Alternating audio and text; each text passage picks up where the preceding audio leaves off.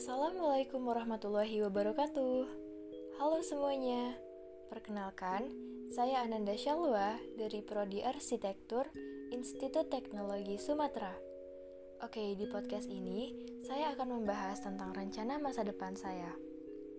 Tapi sebelum kita masuk ke sana, di 3 sampai 4 menit pertama ini saya akan mencoba menjelaskan tentang future plan menurut saya yang mungkin bisa membantu kalian yang belum punya tujuan. Sebenarnya, future plan itu apa sih? Dan kenapa kita harus punya future plan?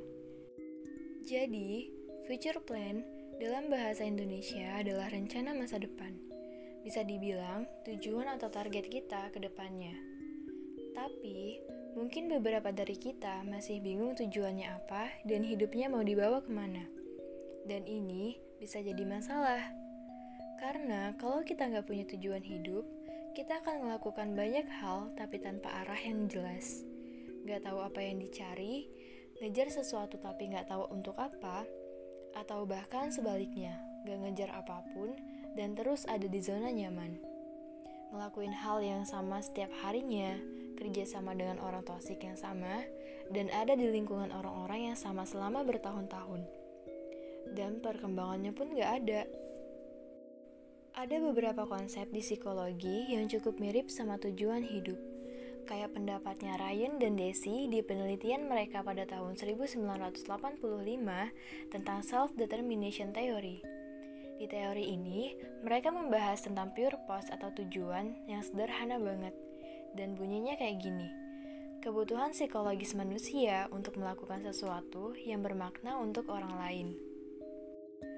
Jadi, kalau menurut di teori ini, kamu dikatakan punya tujuan kalau kamu terdorong untuk melakukan sesuatu yang bermakna. Tapi, gak hanya untuk diri kamu sendiri, tapi juga untuk orang lain, untuk orang tua kamu, teman-teman kamu, sahabat kamu, pasangan kamu, atau bahkan untuk dunia. Di sini bisa dibilang bahwa tujuan adalah sebuah kebutuhan psikologis. Nah, ini menarik banget karena gak semua orang tahu kalau selain kebutuhan fisik, kita punya kebutuhan psikologis. Dan namanya juga kebutuhan. Kalau misalnya gak dipenuhin, ya ada konsekuensinya dong. Sama halnya kalau kita nggak makan, ya kita lapar. Dan kalau kita nggak ada tujuan atau target, kita akan ngerasa hidup ini ada yang kurang. Walaupun kebutuhan fisik kita terpenuhi, ada ketidakpuasan di sana, ada kehampaan di sana overall kita nggak akan bahagia aja. Spesifiknya, soal mencari tujuan hidup, kita butuh eksplorasi banyak hal dan menemukan skill apa yang ada di dalam diri kita, yang juga tentunya paling kita minatin. Terus kembangkan sampai kita punya skill yang nggak bisa diremehin di sana. Dan dari sana, kita akan dapetin tuh kesempatan-kesempatan dari kemampuan kita yang kalau misalnya kita manfaatin akan sangat berguna untuk orang-orang yang kita sayang, orang-orang yang ada di sekitar kita. Oke, dari apa yang kita bahas tadi, pasti sudah kegambar dong gimana sih semestinya tujuan dan target itu. Iya, tujuan atau target di mana kita bisa menjadi seseorang yang kita inginkan – tapi juga bermanfaat untuk orang lain, terutama orang yang kita sayang. Sekaligus tujuan di mana kalau kita berada di sana, kita bisa terus mengembangkan diri kita. Itu adalah tujuan dan target yang luar biasa. Oke, kalau gitu kita langsung masuk ke perencanaan saya ya. Ada banyak hal yang saya harapkan berkuliah di sini dan saya memilih ITERA untuk menjadi jembatan saya merealisasikan impian tujuan, dan target saya di beberapa tahun ke depan. Saya sangat ingin sekali memberikan banyak kontribusi sebagai seorang arsitek dalam pembangunan infrastruktur Indonesia dan membuktikan diri pada bidang perencanaan dan pengelolaan lingkungan dengan wawasan, kepakaran, kecakapan, dan potensi yang saya miliki.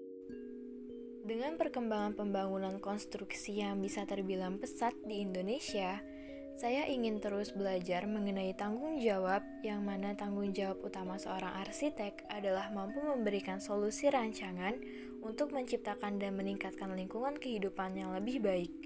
Bukan hanya sekedar mampu menciptakan bangunan yang indah, tapi juga bermanfaat bagi masyarakat. Salah satu kontribusi lain yang ingin saya lakukan setelah saya lulus adalah saya ingin meningkatkan kepekaan terhadap kondisi dan permasalahan urban dengan memahami permasalahan tata kota dan dapat memberikan solusi rancangan yang tepat pada suatu lingkungan atau kawasan.